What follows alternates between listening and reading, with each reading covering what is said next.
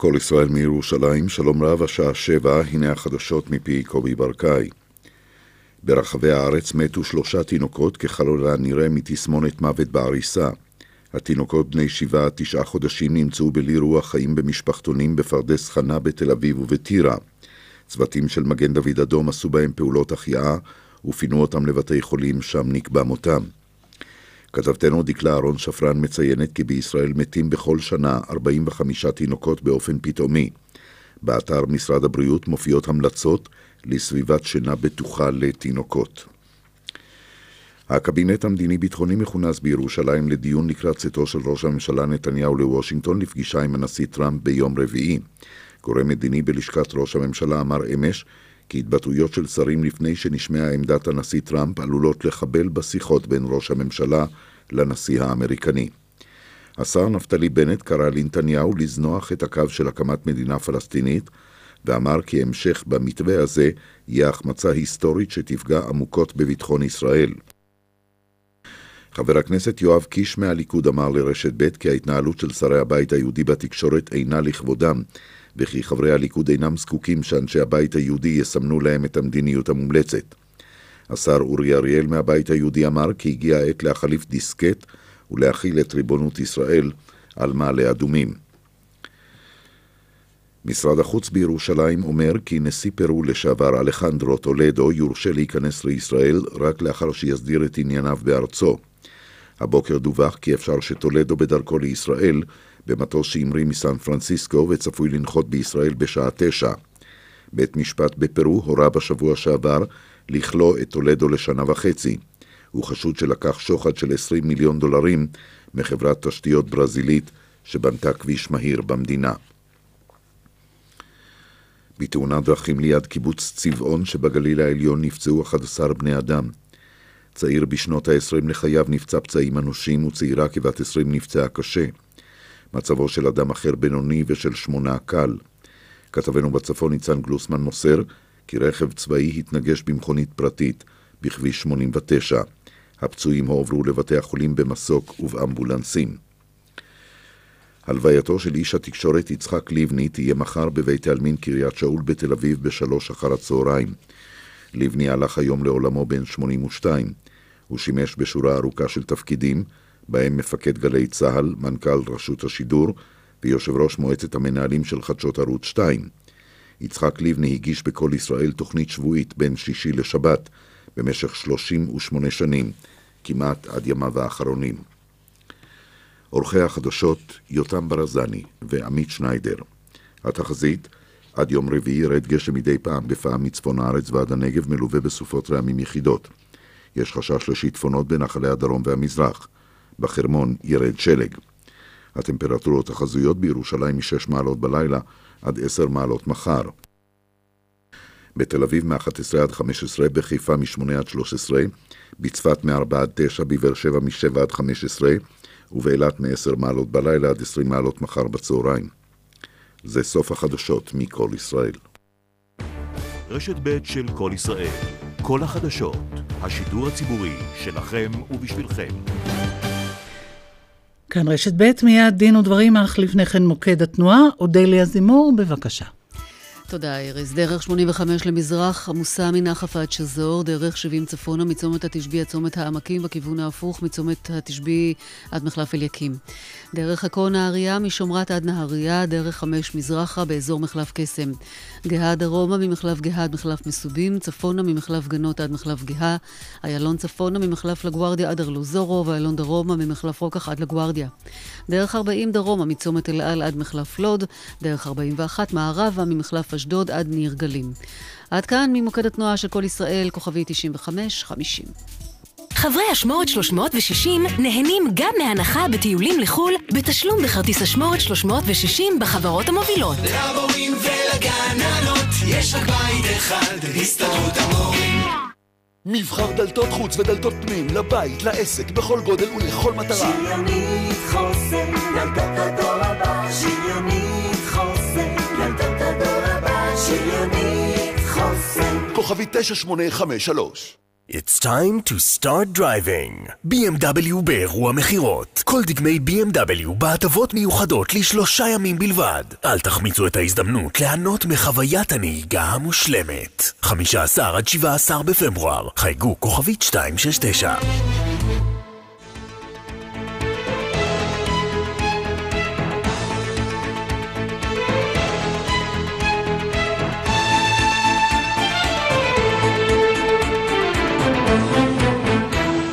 דין ודברים על חוק ערכים ודמוקרטיה ומה שביניהם עם משה נגבי. שלום לכם, עורכת התוכנית אורית ברקאי בהפקה דפנה אברהם, טכנאי השידור דני רוקי, כאן ליד המיקרופון משה נגבי ואיריס לביא. מיד נתייחס כאן להתפתחויות האחרונות בחקירות ובחשדות כלפי ראש הממשלה, ולשאלה אם ומתי עשויות לחייב את פרישתו, וגם לחשיבות המעמד הייחודי של היועץ המשפטי לממשלה בהקשר הזה. כיצד נולדה סמכות בג"ץ לפסול חוקים של הכנסת? אנחנו שמחים לארח באולפנינו את חבר הכנסת לשעבר ונשיא איגוד לשכות המסחר, עורך הדין אוריאל לין, שספרו החדש, לידתה של מהפכה, מתעד את המהפכה החוקתית שהוביל בכנסת לפני 25 שנים. עורכנו עורך הדין אלי בן אריה, יועץ המשפטי של עמותת אדם, טבע ודין, יגיב כאן על החלטת בית המשפט בחיפה לצוות על ריקון מיכל האמוניה במפרץ חיפה, ויעדכן אותנו על החלטה תקדימית של בג"ץ, שעל פי הנושאים סביבתיים הקשורים בקו צינור הנפט, לא יהיו עוד חסויים ויהיו גם כפופים לחוק חופש המידע. עורך הדין עמוס האוזנר, יושב ראש המועצה הישראלית למניעת עישון, יספר לנו על המאבק המתמשך להחמרת האיסורים על פרסום סיגריות והלחצים המלווים אותו. כל אלה איתנו, אבל נפתח אה, כאמור בחקירות, בחשדות אה, כלפי ראש הממשלה, משה. כן, איריס, הייתי רוצה לפתוח בהתבטאות של אה, השר ליברמן אתמול, שעל פיה לדעתו ראש הממשלה לא יצטרך לפרוש גם אם יוחלט להגיש נגדו כתב אישום. אז כמובן השר ליברמן זכאי לדעתו, אבל לעניות דעתי, לא זאת תהיה עמדתו של בג"ץ.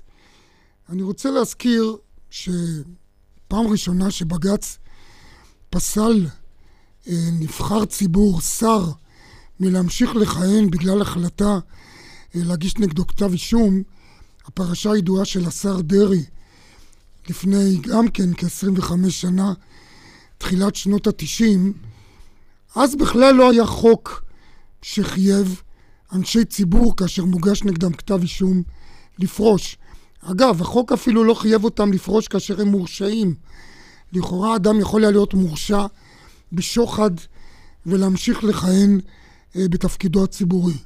אבל בג"ץ קבע אז, ולא סתם בהרכב רגיל, אלא בהרכב מורחב בראשות אולי שני הנשיאים הדומיננטיים ביותר שלו, שמגר וברק, בג"ץ קבע אז שכדי שאיש ציבור יוכל להמשיך לעמוד בראש מערכת שלטונית, לא מספיק שהחוק יכשיר את כהונתו. לא מספיקה, אמר בג"ץ, כשירות חוקית, צריכה להיות גם כשרות ערכית. אדם שעומד בראש מערכת שלטונית, אמר בג"ץ, חייב להקרין יושר ויושרה. וכאשר גורם מוסמך, היועץ המשפטי לממשלה, אגב אפילו לפני כתב אישום, קובע שיש נגדו ראיות לכאורה לעבירת שחיתות, בין אם מדובר בשוחד, בין אם מדובר בהפרת אמונים, באותו רגע הוא כמובן מאבד את הכשרות הערכית הזאת. אגב, אפרופו הסירוב שעוד נזכיר אותו פה, של היועץ המשפטי לממשלה הנוכחי, מנדלבליט, לייצג את עמדת הממשלה בנושא חוק ההסדרה והודעתו שהוא ייצג עמדה הפוכה, עמדה שפוסלת את חוק ההסדרה בבג"ץ, אני רוצה להזכיר שבאותה פרשה שהזכרתי כרגע, של דרעי, אז לפני 25 שנה, היועץ המשפטי חריש, שוב, למרות שלא היה חוק שחייב את דרעי לפרוש מן הממשלה, הודיע גם כן ליצחק רבין, אז ראש הממשלה, אני לא אייצג את עמדתך, אני תומך בעמדה של העותרים, שלמרות שאין חוק, מבחינה ערכית, מבחינה נורמטיבית, לא ייתכן שאדם ימשיך לעמוד בראש מערכת שלטונית כאשר יש נגדו ראיות לכאורה לשחיתות. אני אולי רק אצטט שני משפטים מאותו פסק דין שכמו שאמרתי הובילו אותו שמגר וברק. אמר אז בג"ץ, חיוני למען ההיגיינה הציבורית שמחננו הדמוקרטי והנאור יהיה טהור ולא יחזיקו במוסרות השלטון אנשים אשר נגועים בשחיתות.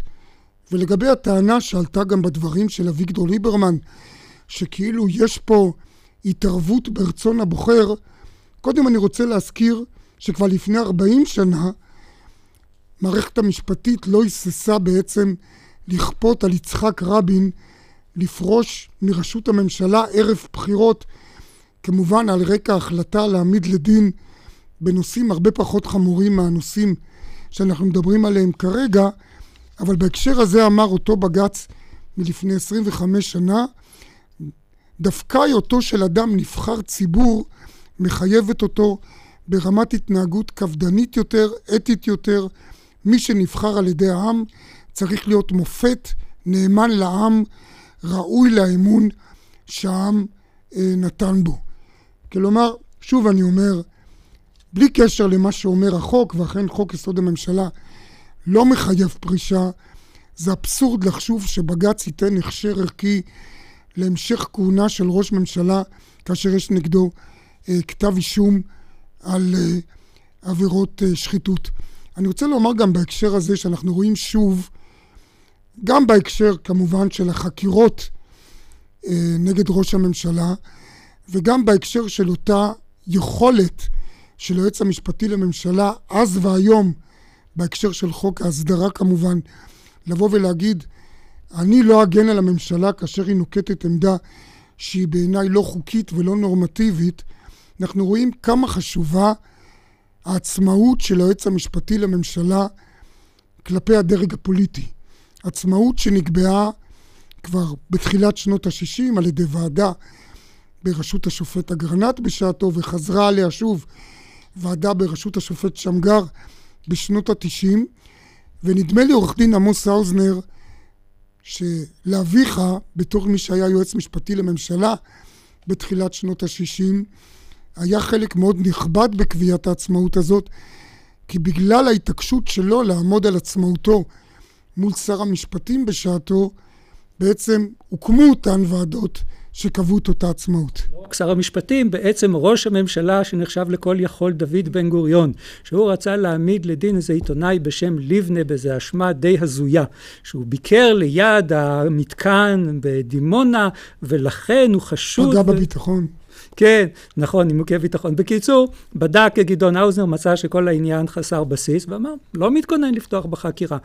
הנושא מגיע לישיבת ממשלה, אומרים בממשלה, רגע, רגע, הוא יועץ, אז הוא צריך לייעץ לנו. אגב, זאת הסיבה שבכנס לשכת עורכי הדין באילת, אני הצעתי להחליף את המינוח השגוי המנדטורי הזה, יועץ משפטי, במילה נגיד המשפט, מקביל לנגיד בנק ישראל. מכל מקום, ההמשך היה שהממשלה החליטה למנות ועדה, הלא היא ועדת אגרנט הראשונה, והוועדה הזאת מזכה, מה לעשות? הצדק הוא עם היועץ המשפטי לממשלה, ובאמת היום היועץ המשפטי לממשלה הוא זה שחוות דעתו היא זאת שמחייבת את משרדי הממשלה, כפוף לכך כמובן שבית המשפט יכול להפוך את דבריו, ואני רציתי להפנות כאן לפסק דין אחר מעניין, ששם היועץ המשפטי לממשלה לא תמך בחוק שהתקבל בכנסת, זהו בג"ץ אורון, ששם דובר על משהו דומה מאוד לחוק ההסדרה שאותו... שידורים אנחנו... פיראטיים. שידורים נכון, כאשר באה הכנסת והיא הכשירה תחנות רדיו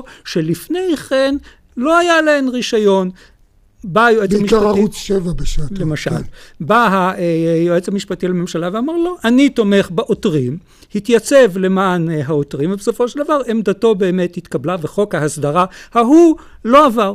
אגב, ואחד הנימוקים שם היה עקרון השוויון, שקרוב לוודאי שיעמוד לנגד עיניו של בית המשפט העליון, כאשר ידון בבג"ץ אה, חוק ההסדרה שעומד על הפרק. אני מבין, עורך דין האוזנר, שבעצם מה שמפריע לך בחוק ההסדרה, זה באמת העניין הזה של האפליה בין פלסטינים, כמובן לישראלים אה, בשטחים. קראנו גם הבוקר שבכותרת ראשית בעיתון הארץ, שגם הנשיא ריבלין התבטא בנושא הזה ואמר שזה עלול להכפיש את מדינת ישראל כמדינת אפרטהייד. כמובן, מפני שהנימוק שעליו דווקא דיברו הרבה, וזה הנימוק של המשפט הבינלאומי, משקלו יורד ברגע שישראל העבירה חוק פנימי שלה שמסדיר את הנושא מבחינה אה, מקומית. כי יש לנו הרבה חוקים שמה לעשות, לא כל כך מתיישבים עם המשפט הבינלאומי. למשל, חוק היסוד של ירושלים בירת ישראל, היא לא כל כך מוכרת בכל העולם. לכן, אגב, הרעיון שראש הממשלה צריך להתעקש על העברת שגרירות האמריקאית לישראל, מפני שכאן יכול להיווצר משפט... לירושלים, לא לישראל. ירושלים, אה, כבירת ישראל, את השגרירות האמריקאית לירושלים, בירת ישראל, מפני שכך ייווצר משפט בינלאומי מנהגי, שנוהגן של המדינות הוא להכיר בירושלים כבירת ישראל, ולכך יש חשיבות הרבה יותר מאשר סמלית. תודה לך, עורך דין האוזנר. ועכשיו אל הספר לידתה של מהפכה, וזו כותרת הספר שלך, עורך דין אוריאל לין, נשיא איגוד לשכות המסחר, ומי שהוביל כיושב ראש ועדת החוקה של הכנסת ה-12 את המהפכה החוקתית שמכוחה הוסמך בג"ץ לפסול חוקים של הכנסת, ובכלל כל המהפכה הגדולה הזאת. ערב טוב לך. ערב טוב לך. אז היו אה, חבלי לידה קשים, אתה מתאר בספר הזה. לא, אני בכוונה קראתי לספר לידתה של מהפכה, כדי שיהיה ברור שתקופת הלידה, צירי הלידה, זה היה 44 שנה. ויש גם תאריכים על הספר, בוא נאמר אותם. 1789 ו-1992. מהפכה צרפתית, החוקה האמריקאית. 1789 זה פעמיים, פעם מגילת זכויות האדם, חלק מהחוקה האמריקאית, ו-1789 באדום, הצרפתית. המהפכה הצרפתית. עקובה מדם. באותה שנה, שהעמידה את הצהרת זכויות האדם שלהם. והצהרת זכויות האדם, כמובן, והתאריך השלישי, 1992. ומה שאתה בעצם אומר בספר... השלישי הוא תאריך, תאריך מאוד צנוע. ומה שאתה בעצם אומר בספר... זה הזמן שאנחנו הבנו, הצלחנו להעביר את זכויות היסוד של האדם בישראל. ומה שאתה בעצם אומר בספר, אוריאלין, זה שבזכות המהפכה שאתה הובלת עם אחרים כמובן, כמובן, אבל אין ספק שכיו"ר ועדת החוקה היה לך אה, חלק מכריע, וגם הנשיא בדימוס של בית המשפט העליון, השופט ברק, נותן לך את הקרדיט הזה בהקדמה לספר. אתה בעצם אומר, אנחנו באמצעות המהפכה הזאת יישרנו קו עם המהפכה הצרפתית, עם ה... מגילת זכויות האדם אני הייתי אומר, משה, שאנחנו יישרנו קו עם מרבית החוקות בעולם, חוץ מאשר קומץ חוקות של מדינות אסלאמיות קיצוניות, שהן אומרות שהקוראן זו החוקה שלהם. אנחנו בעצם לא עשינו פה משהו שהוא פורץ דרך מבחינת תפיסה עולמית. אנחנו עשינו דבר שהוא בסיסי ביותר. הכנסנו לתוך החוקה הישראלית את החלק החשוב. שאין לנו חוקה, רק חוקי יסוד. לא, רגע, יש לנו, לא חשוב. קודקס לא, לא ניכנס, איריס, אוקיי. לוויכוח הזה. אוקיי. אני חושב שיש לנו חוקה, בדרך קובץ של חוקי יסוד, זה לא משנה מתי כתבו את החוקה, השאלה היא מה התוקף המשפטי ומה בעצם המשמעות החברתית שלה. אם כן, אנחנו בעצם ב-1992 הצלחנו בסופו של דבר להעביר שני חוקים שמגדירים את זכויות היסוד של האדם, ואני מדגיש, לא זכויות רגילות, אלא זכויות היסוד. זכויות היסוד עומדות בראשות ההיררכיה המשפטית שלנו. הן בעצם מעל לחוקים רגילים. אז פה אני באמת רוצה אה, להתייחס לנקודה שגם עולה עכשיו כמובן. אפרופו שוב, בג"ץ חוק ההסדרה, שכבר תלוי ועומד, כבר הוגשו עתירות ויוגשו עתירות, ואנחנו יודעים ש... כמובן מבקשים מבג"ץ לפסול חוק של הכנסת, וחברי כנסת, אגב, מהאגף הפוליטי שאתה היית, בואו נזכיר... שהעביר לה... את החוקים. כן, כן, בואו נזכיר, החוקי יסוד האלה זה לא היה משהו שעבר תחת השמאל, אלא בעת ש... תחת ממשלתו של יצחק שמיר. יצחק שמיר, ואתה היית איש הקואליציה. דן מרידור. אתה איש הליכוד כמובן. ובתמיכה גדולה של הרבה חברי ליכוד. אבל היום טוענים חברי כנסת מהימין, ואני חושב שאתה בצורה מאוד משכנעת ומתועדת מפריך את זה, אבל אולי תרחיב. כן. באים וטוענים, בעצם היה פה מחטף, חברי הכנסת לא ידעו על מה הם מצביעים, ובכלל לא אמרו להם שהולכים לתת סמכות לבג"ץ, ובג"ץ חטף את הסמכות הזאת לעצמו. מה יש לך לומר על כל זו, הטענות האלה? זה בדיוק הסיבה, זו בדיוק הסיבה שאני תיארתי את מלוא ההתפתחות ההיסטורית. לא היה דיון אם בוועדה או במליאה שלא היה ברור שאנחנו יוצרים זכויות יסוד חוקתיות על חוקיות, שבעצם החלק הבלתי נפרד מהם, אין לך זכות יסוד. אין לך זכות יסוד אם אתה לא מאפשר גם את הביקורת השיפוטית. וכאן יש בעיית הבנה בסיסית ביותר. הרבה אנשים שתוקפים את סמכות הבג"ץ, או לא בג"ץ, בית המשפט בעצם, זה לא חייב להיות בג"ץ, לפסול חוק של כנסת שהוא סותר את זכויות היסוד, שלא על פי הקריטריונים שנקבעו בזכויות היסוד, הם לא מבינים שזה חלק בלתי נפרד של זכויות היסוד. כי אם אין לך את כוח הביקורת השיפוטית, אין לך זכויות יסוד. זאת בעצם זכויות היסוד יהפכו להיות המלצה נחמדה, ולא מעבר לזה. הביקורת השיפוטית היא חלק בלתי נפרד מהתכלית והמהות של זכויות היסוד. ואם אנחנו רוצים לשאוף לבטל את זה, מה שאני לא מאמין שיקרה, אנחנו בעצם ניכנס, כפי שאמרתי קודם, לקומץ של מדינות אסלאמיות קיצוניות.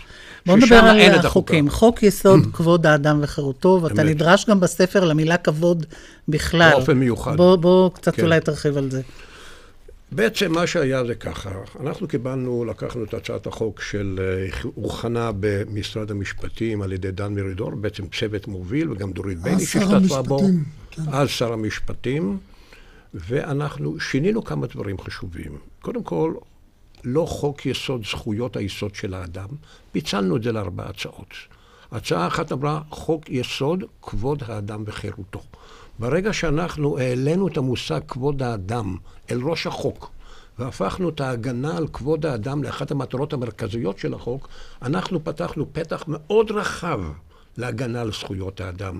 כי המושג זכויות האדם, שהוא בא לביטוי היום ברור ביותר בספרו של אהרן ברק, שני כרכים, מאוד רציניים של כבוד האדם, הזכות במהותה וכולי, זה משהו רחב ביותר. ובעולם, גם בעקבות מלחמת העולם השנייה, התפתחה הכרה והבנה שלהגן על כבוד האדם זה אחד הדברים החשובים ביותר, ואנחנו גם נוכחנו. האמת היא שגרמניה, היום, במצב בעצם של תיקון העוול וההבנה, הם הבינו שאי השמירה על כבוד האדם הורידה אותם לשפל הכי נמוך שיכול להיות. והיום כבוד האדם הפך להיות אחד מהזכויות המבוססות והממוגנות ביותר. בעוד שזכויות יסוד אחרות אנחנו אומרים שכן ניתן להגביל. על פי קריטריונים מוגדרים, אבל זה הם מושג... אומרים כבוד האדם לא ניתן בכלל לפגוע ולהגביל. זה מושג אה, ברור, מובהק, כבוד מושג, האדם, או שהוא ש... רחב ואפשר להכניס ולהוציא ממנו דברים? מושג שהוא לא מוגדר לחלוטין, אבל הוא מחייב כמובן מפעם לפעם ראייה לעומק אם פגעת בכבוד האדם או לא פגעת. אני חושב שהיתרון שלו שהוא לא מוגדר, כי זה אי אפשר למשל לבג"ץ לבוא גם. ולומר, חופש ביטוי זה חלק מכבוד האדם, אם אתה משתיק בן אדם, mm-hmm. אתה פוגע בכבודו, כלומר, זה אפשר בעצם לבית המשפט להכיר בזכויות שלא מופיעות בצורה מפורשת. בדיוק, בה. אני רוצה להדגיש, משה, שנאמר כבוד האדם באשר הוא אדם. באנגלית... ולא רק אזרחים, דרך אגב. Exactly. ובאנגלית זה נאמר Human Dignity, לא honor, לא honor במובן של כבוד במובן הזה. וזה עוד פעם, למי למי יש יותר כבוד. בהיותו של האדם אדם. וזה עוד פעם רלוונטי כמובן לעניין ההסדרה, נאמר, כי גם הפלסטינים שהם לא אזרחי ישראל, כמובן... אני רוצה הערה כן. קצרה לעניין חוק ההסדרה. לעניין חוק ההסדרה אני חושב שזו שגיאה איומה. מה ש? שגיאה איומה.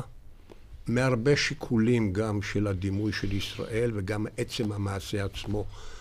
אתה לא יכול לגזול קרקעות פרטיות בטענה שזה נעשה בתום לב.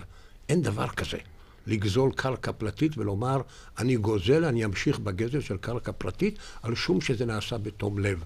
אנחנו מנסים איכשהו לכבס את המעשה שנעשה. לכבס אבל, גזל, כמו שאמר בני בגין. זה כן. ממש שגיאה איומה לפי דעתי. ואני חושב שכדאי שבסופו של דבר נבין כולנו שזכויות יסוד של האדם נוגעות לכל אדם ואדם במדינה, והיום גם לעתידה של המדינה.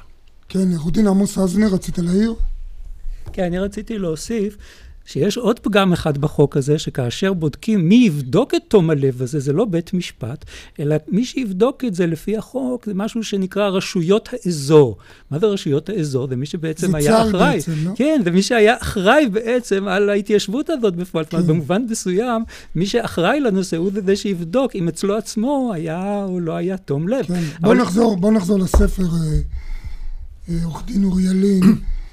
אתה נותן קרדיט כנדרש אה, לכל אותם אנשים שקידמו את הרעיון הזה של אה, חוק יסוד בנושא זכויות האדם, החל מפרופסור קלינגופר, שהיה מורה שלי וגם שלך, אני חושב, כבר לפני 50 שנה, ו... ויותר. ושולמית אלוני כמובן, ואמנון לא, לא רובינשטיין. לא, וגם השופט בנימין הלוי. בנימין הלוי, נכון. השופט בנימין הלוי, אני חייב לציין, ניהל מאבק אמיתי פרלמנטרי. קלינגופר עצמי... לא ניהל כן. מאבק כן. פרלמנטרי. הוא הגיש הצעה נהדרת, בערך 80 סעיפים, זה הקיף הכל, אבל הוא לא ניהל מאבק פרלמנטרי. בנימין הלוי ניהל מאבק פרלמנטרי. אני, מה שמרתק אותי, ואתה בהחלט ממחיש את זה בספר, שאגב, אני מסכים להגדרה של... אה, השופט ברק שמגדיר את הספר הזה הוא אוצר בלום. מה שמרתק זה איך אתה הצלחת איפה שכל הקודמים מאוד פשוט, לא הצליחו. אז אולי מה הסוד? למשל, איך הצלחת להביא למצב שהיו גם חברי כנסת ממפלגות דתיות, שאנחנו יודעים שבאופן מסורתי כל כך פוחדים מהעניין הזה של חופש דת, חופש מצפון, פסילת חוקים של אה, בנושאי דת ומדינה, איך הצלחת לגייס נגיד חבר כנסת כמו יצחק לוי אה, ואחרים לתמוך במהלך? גם אחרים, לא רק יצחק לוי. יצחק לוי היה הגשר החשוב ביותר למפלגות הדתיות, בעצם זה שהוא בא ואמר, אני אסכים אם זו תהיה מדינה יהודית ודמוקרטית, לא רק דמוקרטית. אבל אני מוכרח לומר, גם נציגי מפלגות דתיות אחרות השתתפו. אני אגיד לך, המפלגות הדתיות, כשהם התנגדו לאיזושהי יוזמת חקיקה, הם לא השתתפו בדיונים. מה הם עשו? חיכו לראות אם זה מתבשל להיות לאיום של ממש. ואם זה התבשל להיות איום של ממש, הלכו לראש הממשלה ואמרו לו, תשמע, אתה חייב לעצור את היוזמה הזו, אם לא תעצור אותה, אנחנו נפיל את הקואליציה. אז מה קרה? מה עושה ראש הממשלה? הוא מתקשר למי שבעצם דוחף את הדברים האלו, אתה חייב להפסיק, אתה לא יכול להפיל את הקואליציה, הוא מפסיק. אני אמרתי להם ככה, לנציגי המפלגות הדתיות, תשמעו, אני מתחייב לא להעלות את החוקים האלה למליאה לאישור סופי. קריאה שנייה ושלישית. בתנאי שאתם תשתתפו בדיונים. לא שתשבו בצד, לא תדעו מה מתנהל, תהיו שותפים בדיונים. ובאופן מפתיע, מרביתם היו שותפים בדיונים. והסכימו בסוף. לא, הם לא הסכימו באופן טוטאלי, אבל הם הסכימו, אני מוכרח לומר, 90 אחוז. ולפחות הייתה גם אה, זה, השתתפות. זה ו... היה, כן, הייתה בדיוק. השתתפות, הייתה התחשבות. גדולה מאוד. אני למדתי את כל הכישלונות הקודמים. אתה מדבר גם על החשיבות החינוכית של מאוד זה. מאוד. באיזה מאוד אופן? מאוד מה, מאוד. ל- לדורות לפי הבאים, או לדמוקרטיה בכלל? לפי דעתי, קודם כל זה כבר נכנס למערכת החינוך במידה מסוימת. בהחלט, אני אומר את זה כרגע באופן לא יומרני. לפי דעתי, זכויות היסוד של האדם בישראל זו התשתית הערכית שמאפשרת לנו כחברה לחיות ביחד. ואני חושב שבכל מערכת החינוך בישראל, יסודי, תיכוני, אקדמיה, לא חשוב איפה, אנחנו חייבים לחנך את הדור להבין מה זה זכויות היסוד. זו התשתית שהיא משותפת לכולנו. זה המחנה המשותף. משום כך, יש פה אחריות גדולה למערכת החינוך. החוק השני זה חוק יסוד חופש העיסוק, נכון? כן. יש חוקים שהיית רוצה שיהיו בפנים ולא נכנסו? זכויות, את מתכוונת. כן. לפי דעתי, וכאן אני חופש קצת, דת, חופש מצפון. כאן אני חולק קצת על דעתו של אהרן ברק. אני חושב שהחוקים הם רחבים מאוד, גם מחמת זאת שהכנסנו את כבוד האדם. נכון, אנחנו לא קבענו החלה רטרואקטיבית, קבענו בוודאות סטטוס קוו בענייני דת. כלומר, בעצם אישרתם לא- בתוקף את כל החוקים בנושא נישואין וגירושין. יציבות החוקים וכל הקשור. אבל לא, וכאן היה ויכוח גדול, לא אפשרות של חוקי דת חדשים שיפגעו בזכויות היסוד. העבר קיבל סגור, קיבוע. כן. אבל לעתיד זה לא היה, היה ויכוח גדול על זה. מפלגות דתיות רצו לאפשר הרשעה של חוקים דתיים הפוגעים בזכויות היסוד. אמרנו, בעתיד לא. אני רוצה בכל זאת לשאול אותך, האם בכל זאת לא מציק לך שהזכות לשוויון לא מופיעה בחוקי יסוד האלה? מציק לי, זה היה בלתי אפשרי להכניס את זה, משה. נעשינו מספר אפשרות, גם בניסוחים וגם בתוכן. אבל לפי דעתי השוויון נובע מכבוד האדם. עורך הדין אה, ילין, לידתה של מהפכה, ספרך המרתק והחשוב. ובוא נקווה אה, שהפוליטיקאים של היום יקראו טוב ולא ינסו להחזיר את המהפכה יחולק בכנסת, אני לא? אשתדל, אני אשתדל לפתוח במסע הסברה, כי יש פה הרבה מאוד אי-הבנה יסודית של הדברים. הנה, פתחנו בו עכשיו. פה. תודה רבה לך. אנחנו נצא כאן להפסקת אה, פרסומות, כאן בדין ודברים, רשת ב', מיד חוזרים. שלום, כאן משה פייגלין, יושב ראש מפלגת זהות. אני מזמין אתכם לוועידה הראשונה של המפלגה ולהצבעה על שיטת הבחירות המקדימות, פריימריז פתוחים, ביום שלישי, 28 בפברואר, בשעה 6 בערב, בהאנגר 11 בנמל תל אביב. בואו להשפיע. ידעתם שאפשר לשקם את כל השיניים, להשלים שיניים חסרות, להשתיל שתלים בתוך כמה שעות בהרדמה חלקית או מלאה? כאן דוקטור אגדי. היום, בזכות טכנולוגיה חדישה, במפגש אחד, בתוך שעות אחדות, תוכלו להשלים טיפול ולצאת הביתה בחיוך. העולם התקדם, גם רפואת השיניים. חפשו באינטרנט, השיניים שלי, או התקשרו, 1-800-60-90-60. שלום, כאן משה פייגלין, יושב ראש מפלגת זהות. אני מזמין אתכם לוועידה הראשונה של המפלגה ולהצבעה על שיטת הבחירות המקדימות, פריימריז פתוחים, ביום שלישי, 28 בפברואר, בשעה 6 בערב, בהאנגר 11 בנמל תל אביב. בואו להשפיע. הצילו! הוא לא נושם! מה תעשה עד שמגיע אמבולנס? תבצע החייאה? תצעק עוד? תסתכל עליו גוסס? כל מה שאתה צריך לזכור בזמן אירוע חירום רפואי הוא 1221, מספר הטלפון של איחוד הצלה. אלפי המתנדבים של איחוד הצלה הם אזרחים בעלי הכשרה רפואית העסוקים בשגרת יומם עד שהם נזעקים להציל חיים. שלוש דקות בממוצע והמתנדבים אצלך. 1221. תצליח לזכור? הפעם זה לא אירוע מכירות בכף, אלא אירוע מכירות בחטא, עם דגש על המחיר. 12 עד 19 בפברואר. אירוע מכירות בדג'ט, מחירים שלא יחזרו על מגוון מכוניות. לפרטים כוכבית 2200. בדג'ט מכירת רכב. תגדיר תוכנית בוקר. טיולי פסח באסיה עם החברה הגיאוגרפית. כשתחזור תבין. 03-563-9000 אגה, קונים ב... נכון, יש לנו טויוטה קורולה 2016 במחיר מדהים, אבל באירוע המכירות של בדג'ט, אתה גם בוחר איך הכי נוח לך לשלם. 12 עד 19 בפברואר, אירוע המכירות של בדג'ט. לפרטים כוכבית 2200, בדג'ט מכירת רכב. מחקרים מעידים כי ברזל תורם להפחתת עייפות ותשישות, וגם הוא נמצא בצנטרום עם עוד 27 ויטמינים ומינרלים. ועכשיו צנטרום במבצע, 30% הנחה. צנטרום, לא בכל יום נפתח בית חדש בישראל לבני הגיל השלישי. עכשיו זה קורה. הבית בגני תקווה מרשת מגדלי הים התיכון נפתח. בואו לחיות בבית חדש ויחיד מסוגו. הבית בגני תקווה מרשת מגדלי הים התיכון. מעניין לחיות פה. חייגו עכשיו, כוכבית 51-10. שלום, כאן מירי נבו ואיתי לילך, הפיזיותרפיסטית. לילך, המאזינים שלנו רוצים לדעת כיצד אפשר להפחית את כאבי המפרקים. מומלץ לחזק את השרירים ולשמור על משקל תקין ועל תזונה בריאה, וכך להפחית את העומס על המפרקים. לקבלת חוברת מידע חייגו כוכבית 6506. המידע מוגש בחסות עמותת צעדים ומגה גלופלקס פאסט, היחיד בעל הפעולה הכפולה, לטווח הקצר ולטווח הארוך. מקררים קונים ב... בלט איגור מויסייב ממוסקבה, חמישה מופעים חגיגיים בישראל לציון 80 שנה ללהקה, 80 משתתפים. מויסייב הוא גאון ורקדניה וירטואוזים. וושינגטון פוסט, בלט איגור מויסייב ממוסקבה, בחודש מאי, בתל אביב, ירושלים וחיפה. כרטיסים לאן? כוכבית 8780. מצד אחד את מאושרת מהרכב שקנית. מצד שני, את לא בטוחה שביטוח מקיף מתאים לך. מצד ג', וובי. נכנסים לוובי, משווים בין מבחר הצעות לביטוח צד ג' ובוחרים את ההצעה המשתלמת בשבילכם. וובי, משווים וחוסכים. אנחנו כאן בדין ודברים, רשת ב' של כל ישראל. ועכשיו אנחנו רוצים לפנות לאורחנו באולפן, עורך הדין אלי בן ארי, היועץ המשפטי של עמותת אדם, טבע ודין. ערב טוב לך. ערב טוב. ואתם ודאי מברכים על הידיעה החדשותית של היום, החלטת השופטת בחיפה לרוקן את מכל האמוניה במפרץ חיפה בתוך עשרה ימים. כן, זה די קל לנחש שאנחנו נברך על הדבר הזה. אני חושב שחשוב אולי להבין את הדברים קצת יותר בהקשר הרחב שלהם, כי מכל האמוניה הוא בהחלט סוג של סיכון למיטב ידיעתנו.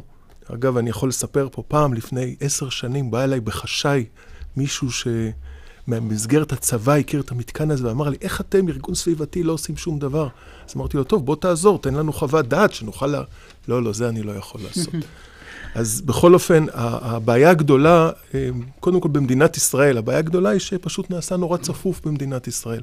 החצי הצפוני של מדינת ישראל מאכלס את כמעט כל תושביה, אחד המקומות הכי צפופים בעולם, ואחוז ה... אה, לא אחוז ה... שיעור הריבוי הטבעי במדינת ישראל הוא הכי גבוה במערב. אז התוצאה היא שמקומות שלפעמים אולי לפני כן לא היה, הפעילות שלהם הייתה נחשבת למטרד, הופכת להיות כזו עקב הקרבה הצפיפות זה... והקרבה למגורים. אה, כן, למגורים. עקב העובדה שדברים okay. כן. מתקרבים אחד לשני, mm-hmm. ונעשה מאבק מאוד גדול על אה, קרקעות, ובשנים הקרובות אנחנו נראה את זה הרבה יותר. מישהו הסביר לי השבוע שכשבאים ומנסים לבחון למה האלימות ביישובים הערביים גברה מאוד בשנים האחרונות, אחת הסיבות זה הצפיפות שהולכת וגוברת, הוא אמר לי, תחכה עוד מעט, זה יהיה בכל המדינה ככה. אז אני מחכה בסבלנות. ואני מבין שאחד הדברים באמת המעודדים ב... הפסיקה הזאת של היום, זה שאנחנו רואים כמה חשובה האכיפה. במשך שנים הרי מדברים על מכל האמוניה ועל הסכנות, אה, גם בלי קשר לאותו חבר שלך שלחש לך את מה שלחש לך, והייתה איזה מין תחושה שאף אחד לא עושה כלום, והנה, כמו שאומרים, מוטב אולי מאוחר מאשר אף פעם, עיריית חיפה קמה וביקשה את אותו צו מניעה, וברגע שהיא עשתה את זה, בית המשפט נענה לה. יש פה לקח, אני חושב, ואני מבין שגם אתם מתמודדים עם כל מיני בעיות סביבתיות שם אה, במפרץ חיפה, עם אה, בתי זיקוק הנפט. נכון. עם זיהומים. גם שם יש בעיה של אכיפה. נכון. ההכרעה, בגלל זה אמרתי שההסתכלות על הנושא הזה היא צריכה להיות רחבה יותר. מה שקורה זה שבמפרץ חיפה, מאז התקופה הבריטית, צמחו לא מעט מפעלי תעשייה, הם היו מאוד חיוניים לארץ בשעתו. חלק משמעותי מהפעילות שלהם חיוני גם עכשיו. אבל מה שקורה זה שהם גם גורמים מטרדים, ההפעלה שלהם, התפעול השוטף שלהם, הוא גם יוצר סכנות. ולכן בסופו של דבר יצטרך להיות איזשהו סוג של איזון, כי צריך לעשות כל, גם כל המשפט המנהלי שאנחנו מדברים עליו, תמיד זה סוג של איזון אינטרסים. ובסופו של דבר, להערכתנו, זה מה שאנחנו מנסים לקדם, זה שהפעילות התעשייתית שמדינת ישראל באמת צריכה, תישאר.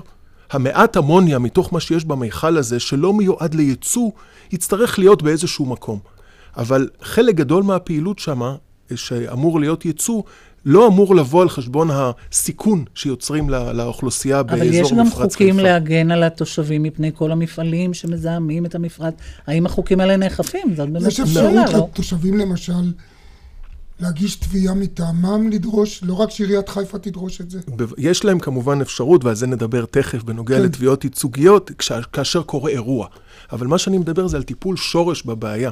כשאתה בא ואומר, יש פה פעילות בבתי זיקוק, שזה הגוף שאיתו אנחנו עוסקים לאחרונה, כאשר הגוף רוצה גם להסדיר את הפעילות העתיקה שלו, שלא הוסדרה עד היום, כמו מכל האמוניה. שום תוכנית לא אישרה את המכל האמוניה הזה, הוא פשוט נמצא שם.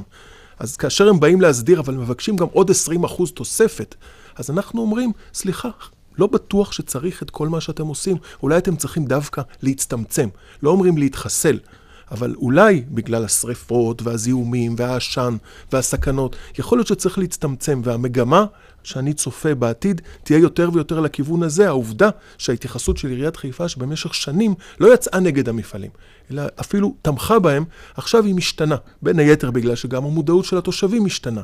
וזה הכיוון שאנחנו צופים שהולך לא, להיות בעתיד יותר ויותר. אתה אמרת לי בשיחה מוקדמת שקיימנו, שגם אותם גורמים מזהמים מנצלים לא פעם את הכוח הכלכלי שלהם אה, כדי לבלום את הניסיונות לאכוף עליהם את החוק. למשל, הם... אה, אה, נדמה לי שראו את זה גם בסרט שיטת השקשוקה של מיקי רוזנטל, שחברות מזהמות במפרץ, למשל, כביכול תורמות כסף למטרות סביבתיות, ועל ידי כך כאילו מנקות את עצמן מן האשמה. היית רוצה להגיד כמה דברים בהקשר הזה? אה, כן, התייחסות רק באמת בקצרה. אין ספק שגופים שיש להם חוזק כלכלי, יש להם גם אה, יכולת לפעול כדי לקדם את האינטרסים שלהם. הרי בסופו של דבר, הכל מגיע לשאלה של כסף. ולכן, כאשר אנחנו פה ושם בארגון שלנו שואלים את עצמנו למה האגודה למלחמה בסרטן למשל לא יוצאת נגד מפעלים מזהמים, יכול להיות שזה חלק מהתשובה, באמת, אני לא רוצה להגיד שום דבר מעבר, לא בדקתי את זה איתם. בשיטת שאותם מפעלים תורמים לאגודה. הם, הם תורמים, הם תורמים לא מעט, והקטע הוא לא רק, לא רק עניין של תרומה, יש גם עניין של לחץ. אתה בא למישהו ואומר, תשמע, אני, אני אסגור את המפעל ואעביר אותו לירדן. ואז יהיה לכם לא פה 5,000 מובטלים, וכולם... נשמע אה, בהמשך דברים ברור. דומים גם מעמוס האוזנר בהקשר של האישור. רוצים לשאול אותך, אבל באמת בעקבות כן. עתירה שלכם לבג"ץ, נחשף אה, קו צינור הנפט, ובעיקר נכון. הסיכון הסביבתי שכרוך בו, ואז עכשיו חייבים גם לחשוף, כלומר, חופש המידע, גם כלפי מה שקורה שם. נכון. לפני אה, קרוב, קצת יותר משנתיים, בשלישי בדצמבר 2014 קרה אחד האסונות הגדולים במדינת ישראל. חמישה מיליון ליטר של נפט זרמו מצינור של קצ"א, חברת צינור הנפט אילת אשקלון, ליד uh, שמורת עברונה בערבה, וזיהמו אותה באופן קשה, שעד היום לא שוקם. בחלקו. לא, כלומר, לא חלק, במלואו, כן. כן, אה, וחלק גדול גם לא ברור שיהיה אפשר לשקם אותו. ואז באותה תקופה, אותה חברת קצ"א, שבא ארגון כמו שלנו ורוצה לברר מה קורה. מה, למשל, היו המרחקים בין המגופים בצינורות, כדי לדעת עד כמה נקטתם אמצעי בטיחות כדי למנוע אירועים מהסוג הזה. Mm-hmm. ועל החברה יש חיסיון. יש צו חיסיון ישן משנות ה-60, שבעצם אוסר, אוסר, וזה איסור פלילי, לגלות כל דבר על החברה הזאת. ואז אמרנו, כדי לפעול בכיוון הזה, אנחנו אה, ניגש קודם כל בהיבט המנהלי, ננסה להסיר את הצו. או לפחות לצמצם אותו בנוגע לאותם נושאים סביבתיים. אז פנינו לבית המשפט העליון בעתירה, בעתירה לבג"ץ, ואז המדינה אה, באה ואמרה, אנחנו בודקים את הנושא, ובאמת הצו אמור לפוג בעוד שנה, ונראה מה יהיה, ויש צוות, והיה צריך פעמיים אה, שההרכב בראשותו של אה, סגן הנשיאה רובינשטיין יגיד להם, אם לא תזדרזו, אם לא תשנו את הצו הזה שלא מתאים לימינו יותר, אנחנו נוציא צו על תנאי. אז בסופו של דבר הם השתכנעו, ובכנסת אה, שינו את הצו, הורידו חלקית את החיסיון, וכיום הנושאים של תכנון ובנייה ואת איכות הסביבה, בעצם הצו לא חל יותר. ההשלמה לפסק דין שקיבלנו הייתה כאשר, אוקיי, הסרתם את החיסיון, איך אנחנו מקבלים את החומר? כי משום שאם זו הייתה חברה ממשלתית רגילה, אז חוק חופש המידע חל עליה. אבל על חברה הזו לא, הכל איך, חסוי. אז איך עושים את זה? אז לכן ההליך התעכב למשא ומתן שלנו עם המדינה. למשך תקופה נוספת, עד שבסופו של דבר הם הסכימו, כי משרד האוצר הוא זה שממונה בעצם על הפעילות של חברת קצא"א. הם הסכימו שאחראי על חופש המידע במשרד האוצר יהיה הצינור. אותו צינור שהיום כל אחד מאיתנו יכול לפנות ולבקש חומר מחברת קצא"א בנוגע לתכנון ובנייה וענייני סביבה וגם רישוי עסקים. ועכשיו אנחנו נבחן איך זה יהיה בהמשך. ואז פסק הדין הוא מלפני uh, פחות משבועיים, שהוא נתן תוקף להסכמה הזאת של המדינה, וגם קצת חייב אותם בהוצאות, כי הוא אמר שהעתירה מאוד תרמה לקידום הסביבה. דיברת קודם על תביעות ייצוגיות וכולי. יש איזה דרך למצות את האחריות האישית של אותם גורמים, נגיד בקצ"א, האם היו כאלה שבגלל רשלנות שלהם קרה או מה שקרה? יש דרך, הכיוון הוא uh, כמובן הפלילי. אני הזכרתי שכשיש אירוע מהסוג הזה, יש הרי את שלושת האגפים של המשפט שיכולים להתמודד. אז הזכרנו את המנהלי, אבל המנהלי הוא, uh, כמו שאמרתי, הוא נוגע ל... חזק יותר, אה, אישית עכשיו, הפלילי הוא חזק יותר, אבל הוא גם מוגבל. לפני ארבע, לפני חמש שנים היה אירוע שפיכה של קצ"א בנחל צין. רק לפני, כלומר, ארבע וחצי שנים חלפו. רק לפני שנה הוגש כתב אישום. הכתב האישום, כאשר קוראים אותו, הטרקטוריסט נתן הוראה לקבלן, והקבלן ביקש אישור ממנו, והמשפט הפלילי הולך להתעסק בזה. ולכן ייתכן שתהיה ענישה בסופו של דבר, אבל לא יהיה פיצוי לציבור. הפיצוי לציבור במסגרת הליך פלילי הוא כמובן מוגבל, אתם יודעים, זה בערך רבע מיליון, ולכן אנחנו מגיעים לכיוון האזרחי. והכיוון האזרחי המתאים יותר להליך מהסוג הזה כדי לגרום למי שהזיק לשלם בעצם את העלות האמיתית של הנזק. כפי שאמרתי לך גם, משה, בשיחה המקדימה שלנו, העיקרון החשוב ביותר בנוגע לתביעות סביבתיות בתחום הסביבה, הוא שלא כל כך לפצות את הניזוק, כמו שהמזיק ישלם את העלות האמיתית, משום שאז... משום שאז, כן, הוא יורתע, וכתוצאה מכך יפעל באופן האופטימלי כדי למנוע לעתיד, בעתיד, בעתיד את ברור. האירועים מהסוג הזה. עורך דין אלי בן ארי, היועץ המשפטי של עמותת אדם, טבע ודין, אנחנו מאוד מודים לך. תודה. אנחנו נצא לעוד הפסקת פרסומת, ונשוב מיד כאן בדין ודברים. נכון, יש לנו סקודה סופרב 2016 במחיר חלומי, אבל באירוע המכירות של בדג'ט, אתה גם בוחר איך הכי נוח לך לשלם. 12 עד 19 בפברואר, אירוע המכירות של בדג'ט. לפרטים כוכבית 2200, בדג'ט מכירת רכב. כאן איריס כהן, מנכ"לית פאלאס רעננה, או בשמה הקודם אחוזת בית. עם הצטרפותנו לקבוצת עזריאלי, התחלנו בתהליך של שדרוג והתחדשות, שבסופם יהפוך בית הדיור המוגן שלנו למתקדם וליוקרתי בישראל. אני מזמינה אתכם לבוקר של כיף על קפה ועוגה, שבו תוכלו להתרשם מהבית המתחדש וגם ליהנות מהרצאה מרתקת. אז התקשרו אלינו, כוכבית 3666, פאלאס רעננה, כוכבית 3666 שש. כשאימא שלך הייתה בת 50, היא נפלה באמבטיה ושברה את האגן. אבל בנות ה-50 החדשות כבר לא נופלות באמבטיה. הן נופלות בריצה בפארק, עפות מאופני הספינינג, מחליקות בספא, מועדות בזומבה, דברים כאלה. לבני החמישים החדשים יש הרבה דרכים חדשות להיפצע ורק דרך אחת לשמור על איכות החיים. הצטרפו לביטוח 50 פלוס של AIG, עכשיו רק משקל אחד ליום. 1 800 כפוף לתנאי החברה. בוש קונים ב...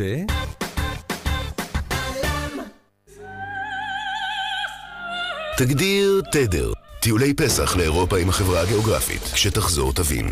03 563 9000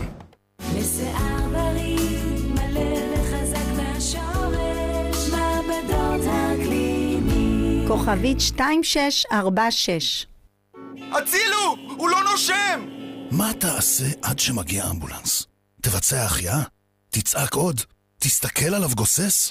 כל מה שאתה צריך לזכור בזמן אירוע חירום רפואי הוא 1221, מספר הטלפון של איחוד הצלה. אלפי המתנדבים של איחוד הצלה הם אזרחים בעלי הכשרה רפואית העסוקים בשגרת יומם עד שהם נזעקים להציל חיים. שלוש דקות בממוצע והמתנדבים אצלך. 1221. תצליח לזכור? שלום, כאן מירי נבו ואיתי לילך, הפיזיותרפיסטית. לילך, המאזינים שלנו רוצים לדעת כיצד אפשר להפחית את כאבי המפרקים. מומלץ לחזק את השרירים ולשמור על משקל תקין ועל תזונה בריאה, וכך להפחית את העומס על המפרקים. לקבלת חוברת מידע חייגו כוכבית 6506. המידע מוגש בחסות עמותת צעדים ומגה גלופלקס פאסט, היחיד בעל הפעולה הכפולה, לטווח הקצר ולטווח הארוך. לא בכל יום נפתח בית חדש בישראל לבני הגיל השלישי. עכשיו זה קורה. הבית בגני תקווה מרשת מגדלי הים התיכון נפתח. בואו לחיות בבית חדש ויחיד מסוגו. הבית בגני תקווה מרשת מגדלי הים התיכון. מעניין לחיות פה. חייגו עכשיו, כוכבית 51-10. סימנס קונים ב... בלט איגור מויסייב ממוסקבה, חמישה מופעים חגיגיים בישראל לציון 80 שנה ללהקה, 80 משתתפים, מויסייב הוא גאון ורקדניו וירטואוזים, וושינגטון פוסט, בלט איגור מויסייב ממוסקבה, בחודש מאי, בתל אביב, ירושלים וחיפה, כרטיסים לאן, כוכבית 8780 אנחנו כאן בדין ודברים, ועכשיו אליך עורך דין עמוס האוזנר, יושב ראש המועצה הישראלית למניעת עישון, ערב טוב לך. אתם נאבקים להחמרת איסורי הפרסום של סיגריות, וכבר הרבה שנים כמובן, אבל עכשיו ביתר שאת. הרעיון הוא, הרעיון הוא בעצם שהפרסומת לסיגריות בעיתונים מעוררת כמה בעיות מאוד חוקתיות אפילו, שצריך, דורשות פתרון. למשל, בעיה הראשונה היא שעיתון שמקבל פרסומות לסיגריות יעשה צנזורה עצמית וימעט לכתוב על נזקי העישון. זו בעיה מאוד מאוד קשה. יש לו אינטרס. יש לו אינטרס. למה לא להרגיז את היד שמאכילה אותו? הוא לא ינשוך אותה. עכשיו, בארצות הברית הוכח שעיתונים שהפסיקו לקבל פרסומות לסיגריות, פתאום בדרך פלא, רמת הכיסוי שלהם של נזקי העישון. אגב, אנחנו רואים את זה גם אצלנו, לא צריך ללכת לאמריקה. ברגע שאסרו פרסומות לסיגריות ברדיו ובטלוויזיה, אנחנו רואים שלמשל עכשיו היה ב, בטלוויזיה אותו תחקיר על uh, קשרים אולי uh, מפוקפקים בין משרד הבריאות לחברות הטבק וכולי. טוב, התחקיר של חיים ריבלין באמת כן, מראה כן, למה... כן, כן, בערוץ 2, כן, כן. בערוץ 2 מראה למה צריך... ספק אם עיתון uh, אולי... שניזון ממודעות לסיגריות היה עושה תחקיר כזה. טוב, צריך להודות שרוני לינדר גנץ בהארץ בדה-מרקר בכל זאת כותבת על הנושא נכון, הזה. נכון. אבל יש פה בעיה שנייה, שהיא חמורה לא פחות, וזה שכאשר עלה החוק, שליצמן הכין אותו בשעתו לאסור על פרסומת לסיגריות בעיתונים, אז התחילו אנשי העיתונים לדבר עם חברי הכנסת ולעשות לובינג נגד החוק הזה. וזה דבר שהוא מאוד מאוד בעייתי. כי מה קורה? מה רוצה חבר הכנסת? הוא רוצה שהעיתון יכתוב עליו. הוא רוצה שהעיתון יכתוב עליו טוב. אז ברור שיש לו איזשהו אינטרס שמשפיע לטובת הטובה האישית שלו על העמדה שהוא ינקוט. ובסופו של דבר באמת היו כמה חברי כנסת שעמדתם מאוד מאוד נכזבה בנושא הזה של... אה, טוב, איסור... ראינו את הפחד של חברי הכנסת להרגיז את העיתונים. הרי עכשיו בפרשה הזאת של אה, שיחות אה, נוני ביבי, מה שנקרא. כלומר, סביב חוק ישראל היום, שפחדו להרגיז את ידיעות אחרונות, אז הצביעו בעד חוק ישראל היום, פחדו להרגיז את ישראל היום. אז הצביעו נגד חוק ישראל היום וכולי, זו תופעה ידועה. בנושא של העישון, הבעיה הזאת עדיין קיימת. אז לפני שבועיים הופיע סמנכ"ל משרד הבריאות בכנסת, ועדת הסמים בראשות תמר זנדברג, והוא אמר שמעכשיו משרד הבריאות יקדם את החקיקה שאותו... השר ליצמן הוא זה זה שהגיש, ואחר כך חזר בו והתנגד, ועכשיו, עכשיו הם טוענים שהכל השתנה והחקיקה הזו תעבור, ואנחנו צריכים לחכות ולראות אם זה יהיה כך. אגב, הזכירו פה את האגודה למלחמה בסרטן, בהקשר הזה היא מאוד מאוד נלחמת בעד איסור הפרסומות לסיגריות. צריך פה הרבה כוחות, מכיוון ש... רגע, ואתה קושר באמת את ה... הייתי אומר, הזגזוג בעמדה של שר הבריאות, נאמר לכמות פרסומות... Uh... הסיגריות בעיתונות החרדית? כלומר, אתה, אתה שם לב שבעיתונות החרדית יש שיעור גבוה של פרסומות לסיגריות? הטענה במחקר של חיים ריבלין היה שזה עיתון אחד מסוים, לא סתם כן. בעיתונות החרדית. כלומר שמקורב לפלג של שר הבריאות. זאת, זאת הייתה באמת הטענה בתחקיר, ואנחנו צריכים לראות איך באמת משרד הבריאות, שצריך לנקוט עמדה מקצועית מאוד, ובדרך כלל הוא עושה את זה בנושאים אחרים, בנושאי בריאות בכלל.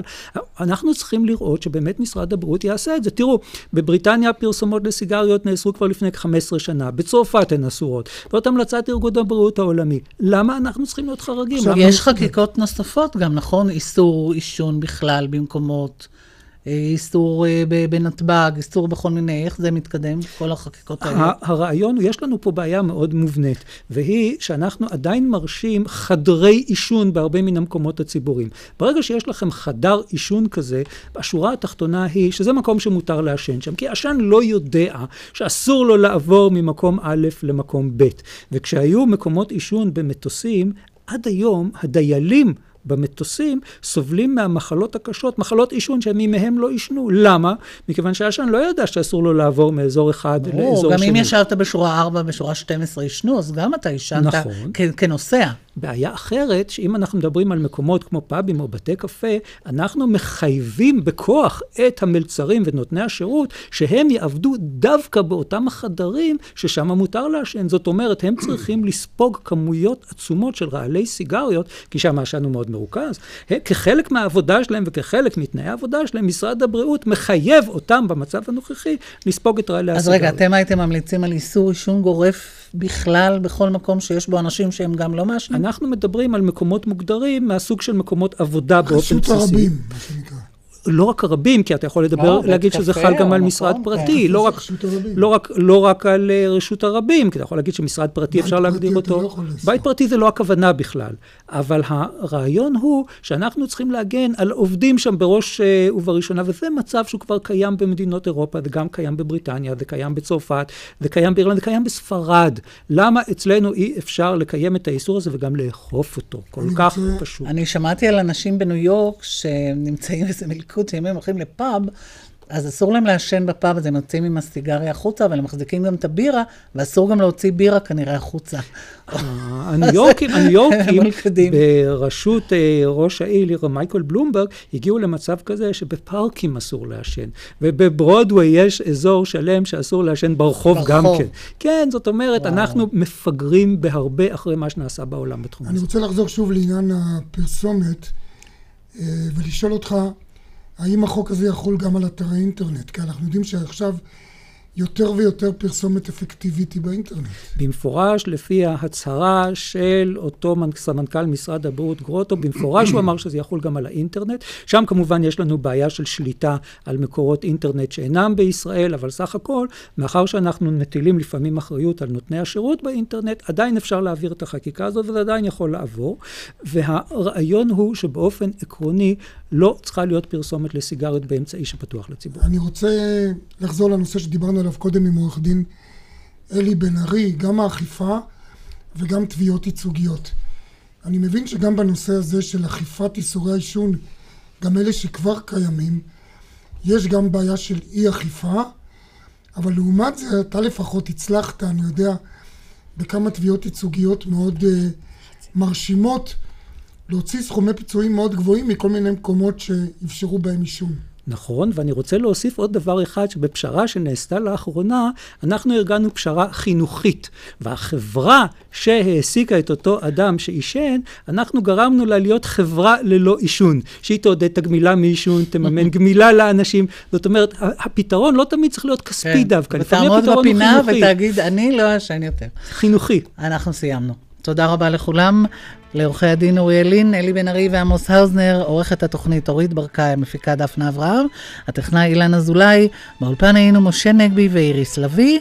דין ודברים, גם ביום ראשון הבא, אחרי חדשות שבע. ערב טוב.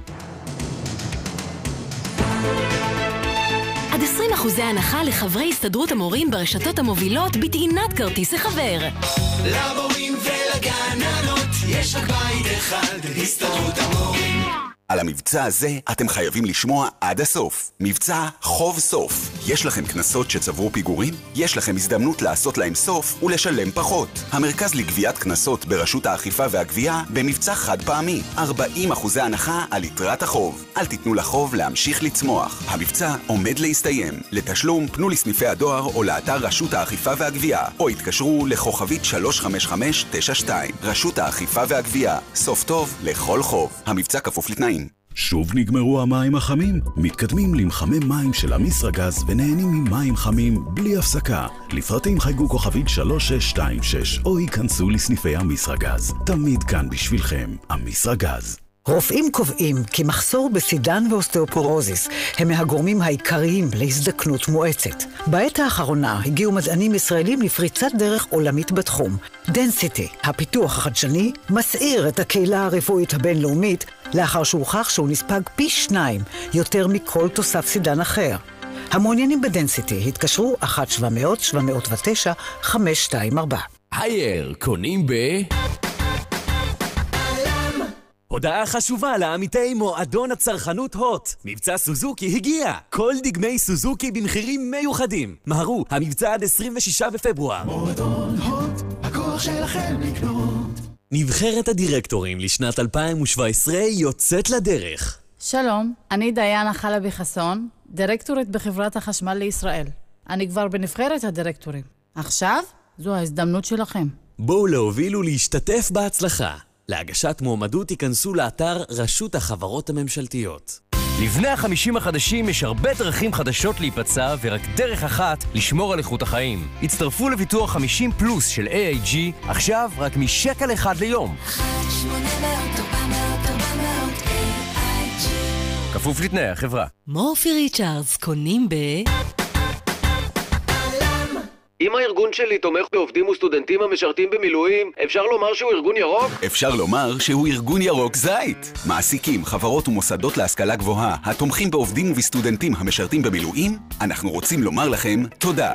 שר הביטחון יעניק גם השנה את אות מגן המילואים למעסיקים ולמוסדות להשכלה גבוהה המיטיבים עם משרתי המילואים בארגונם. פרטים על אופן הגשת המועמדות באתר המילואים או בטלפון 03-569-1799. ושוב, תודה. מחקרים מעידים כי ויטמין C תורם לתפקוד מערכת החיסון, וגם הוא נמצא בצנטרום עם עוד 27 ויטמינים ומינרלים. ועכשיו צנטרום במבצע, 30% הנחה. צנטרום, המולטי ויטמין הנמכר ביותר בעולם.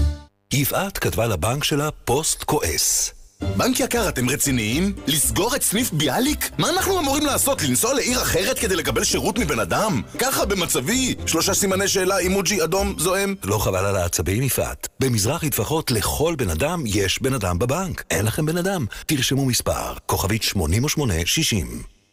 מינוס 17 בפברואר. ממשיכים במבצע ללא מע"מ על כל הדלתות. שריונית חוסן, ילדות הדור הבא. שריונית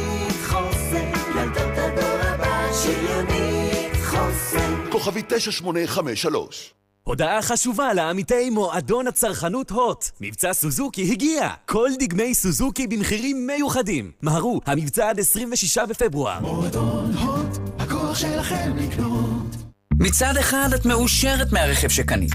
מצד שני, את לא בטוחה שביטוח מקיף מתאים לך. מצד ג', וובי. נכנסים לוובי, משווים בין מבחר הצעות לביטוח צד ג' ובוחרים את ההצעה המשתלמת בשבילכם. וובי, משווים וחוסכים.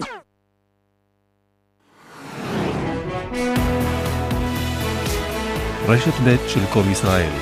אנו עוברים עתה אל הטלוויזיה הישראלית, הערוץ הראשון, לשידור מהדורת מבט.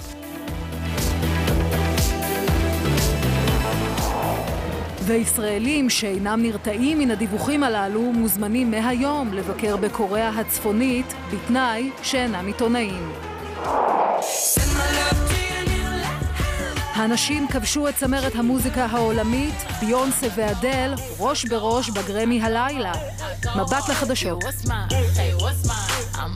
Hey,